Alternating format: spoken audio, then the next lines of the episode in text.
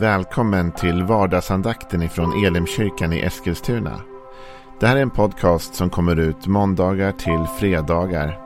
Om du vill veta mer om vilka vi är, vad vi tror på, hur du kan komma i kontakt med oss eller vad vi kan erbjuda dig för någonting så gå in på www.elimkyrkan.com. Får jättegärna gå in och likea vår Facebook-sida.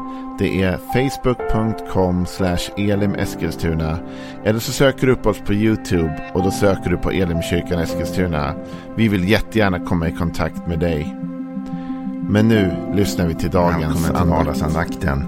Det är en ny vecka och vi ska åter in i en saltarsalm. Men den här veckan tänkte jag att vi skulle ge oss in i en psalm som är lite annorlunda. Dels är den inte skriven av David, vilket jag kommer komma till om en stund. Men dels också så hanterar den en hel del svåra frågor. Och det kan ju vara eh, svårt ibland att ge sig in i de här lite mer komplexa texterna. Men jag tänker att vi ska göra det därför att i vår resa med vår tro så kommer vi också möta utmaningar. Och vi kommer möta situationer som får oss att tveka, tvivla, fundera, undra. Och den här salmen handlar om det. Den handlar om en person som ser någonting som får honom att börja fundera kring hur allting egentligen är och, och, vad som gäller egentligen på ett sätt. Men jag ska gå in lite mer i den kontrasten idag och tala om det. Det är psalm 73. Och jag läser inte hela nu, utan nu kommer jag faktiskt bara läsa de tre första verserna. Så här står det. En psalm av Asaf. Gud är verkligen god mot Israel mot dem som har rena hjärtan.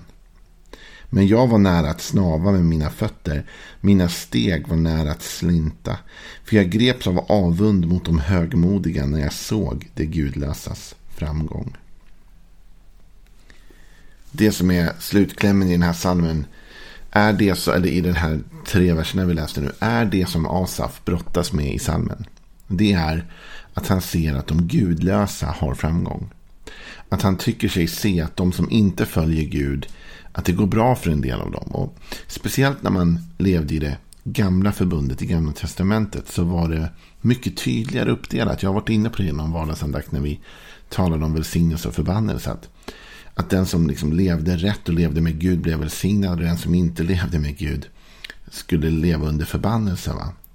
Och då står Asaf inför detta att han funderar på hur kan det gå den gudlöse väl? Hur kommer det sig att det ser ut som att de här personerna har framgång? Och det blir ett problem för honom som till och med han säger är på väg att få honom att, att snava, att falla, att slinta med foten i sin tro. Ja, men vem var Asaf då? Om vi går tillbaka och börjar lite grann där. Han måste ju ha varit, kanske någon säger, en eh, ganska då osäker typen som kanske inte hade så stark tro, som, som inte var så djupt rotad. Eftersom han börjar tvivla på det här sättet. När han ser det här så börjar han fundera. Han måste ju varit så att han inte var så andligt mogen. Men det är faktiskt inte alls den bibliska berättelsen om Asaf.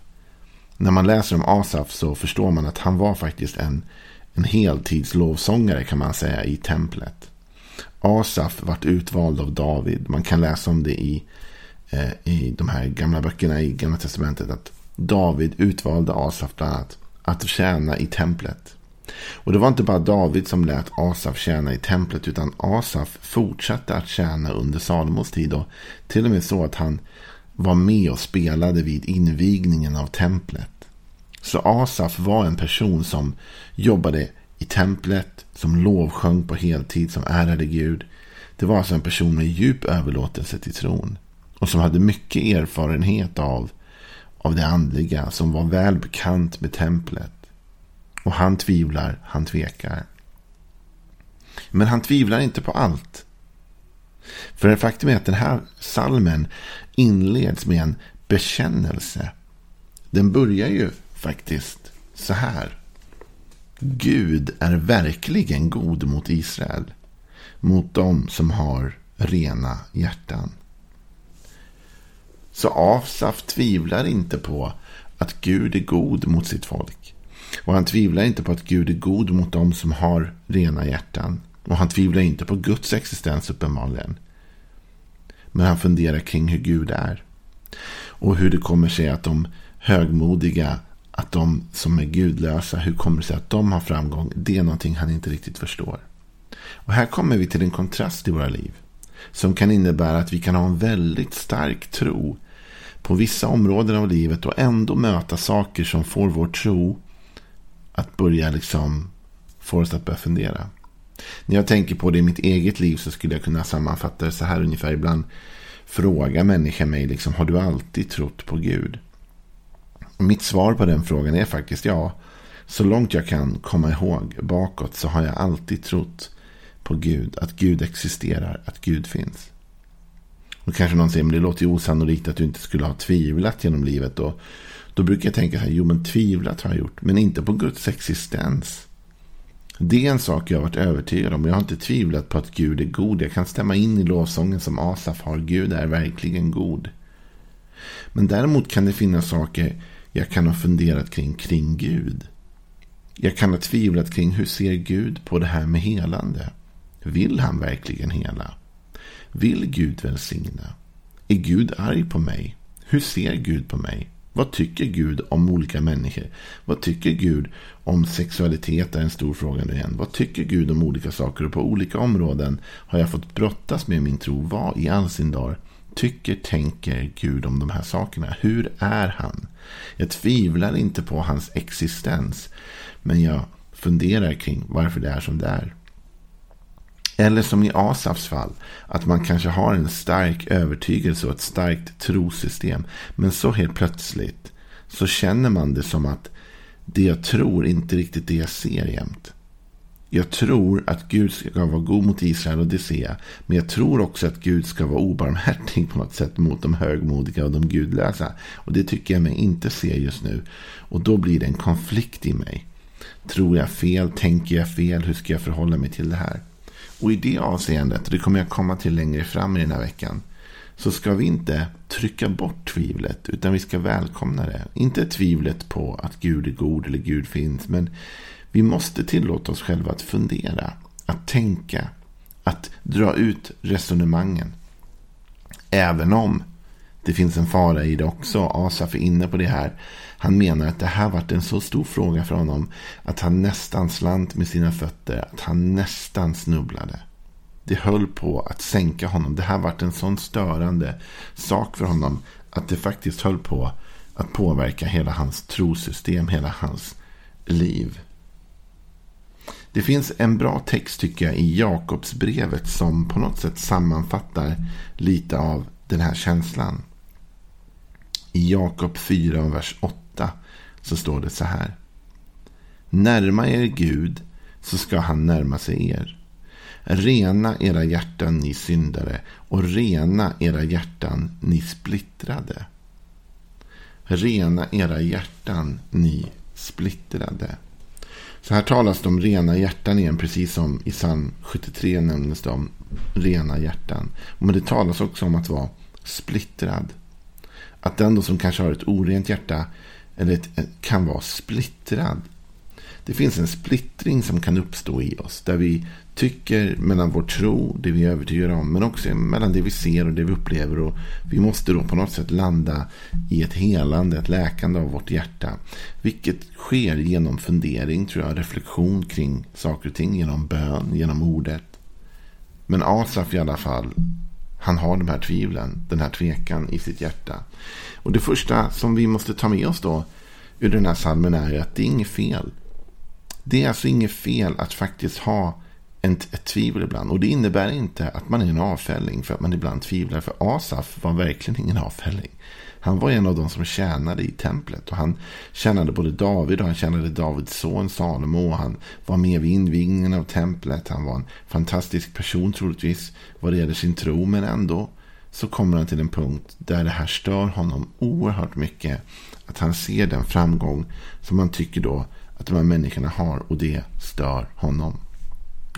Faktum var att han är inte den enda mannen som har störts av saker som han ser i Predikaren är en av de böcker man verkligen kan läsa när man vill se sånt. Och Predikaren börjar med att han, eh, Salomo då, talar om hur förfängligt allting är. Eh, och han skriver så här i Predikaren 1 och vers 12. Jag, predikaren, var kung över Israel i Jerusalem. Jag inriktade mitt hjärta på att med vishet undersöka och utforska allt som sker under himmelen. Det är en bedrövlig möda som Gud har gett människors barn att plåga sig med.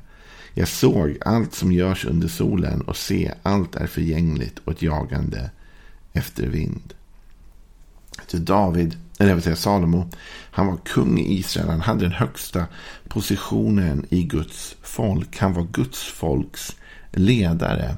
Eh, så att till och med på den positionen så tog han sig för att börja söka och se. Och det han sökte och såg störde honom. Det var inte bara roligt, utan han säger faktiskt att till och med sen, det är en bedrövlig möda att utforska. Det är en bedrövlig möda som Gud har gett människors barn att plåga sig med. Sig. Detta att, att söka och undersöka och utforska allt som sker under himmelen. Och det är det Asaf gör här. Men jag tror ändå någonstans att om vi vill ha en stark tro så måste vi våga ställa oss de svåra frågorna. Och faktum är att vi ska inte hoppa för oss själva här i versen. Men faktum är att längre fram i salmen så kommer han uppleva Asaf att han får svar på sina frågor. Men det börjar ju här. Det börjar med en djup övertygelse i botten om att Gud verkligen är god mot Israel. Mot de som har rena hjärtan. Men också en insikt i att han började slinta och snava. Därför att han greps av avund mot de högmodiga. Och det här ordet greps är ju intressant. Det innebär att han känner att det är något som verkligen har tagit tag om honom. Har ett grepp om honom. Någonting som han har svårt att ta sig loss ur. Och så kan det ju bli ibland att vi hamnar i tankegångar, i mönster som faktiskt är svåra att bryta. Och det måste vi vara medvetna om. Och därför inte heller vara så hårda mot oss själva ibland när vi fastnar i vissa tankar som kanske inte är bra. Och vi behöver såklart ta oss ur dem. Men vi måste också vara förstående mot oss själva. Att till och med de bästa, höll jag på att säga. Till och med de som tjänade heltid i templet under två kungar i Israels historia. Och som skrev salmer som har skrivits in i Bibeln. Till och med de personerna drabbades och greps av tankar som utmanade dem. Och som fick dem att känna en viss mått av tvivel mot det de visste att de egentligen trodde på. Det som han greps av det var avunden mot de högmodiga när han såg de gudlösas framgång. Det var vad han såg. Och vi kommer snart komma till att det han såg inte nödvändigtvis var det som var sant. Men det var det han såg. Det var det han uppfattade. Och det är det som du och jag måste göra när vi hamnar i den här typen av tvivel och funderingar. Det är att ifrågasätta. Såklart ifrågasätta det som vi tror på också. Våga ställa oss tuffa frågor om vår tro. Men också ifrågasätta det vi ser det jag ser nu, är verkligen det sant?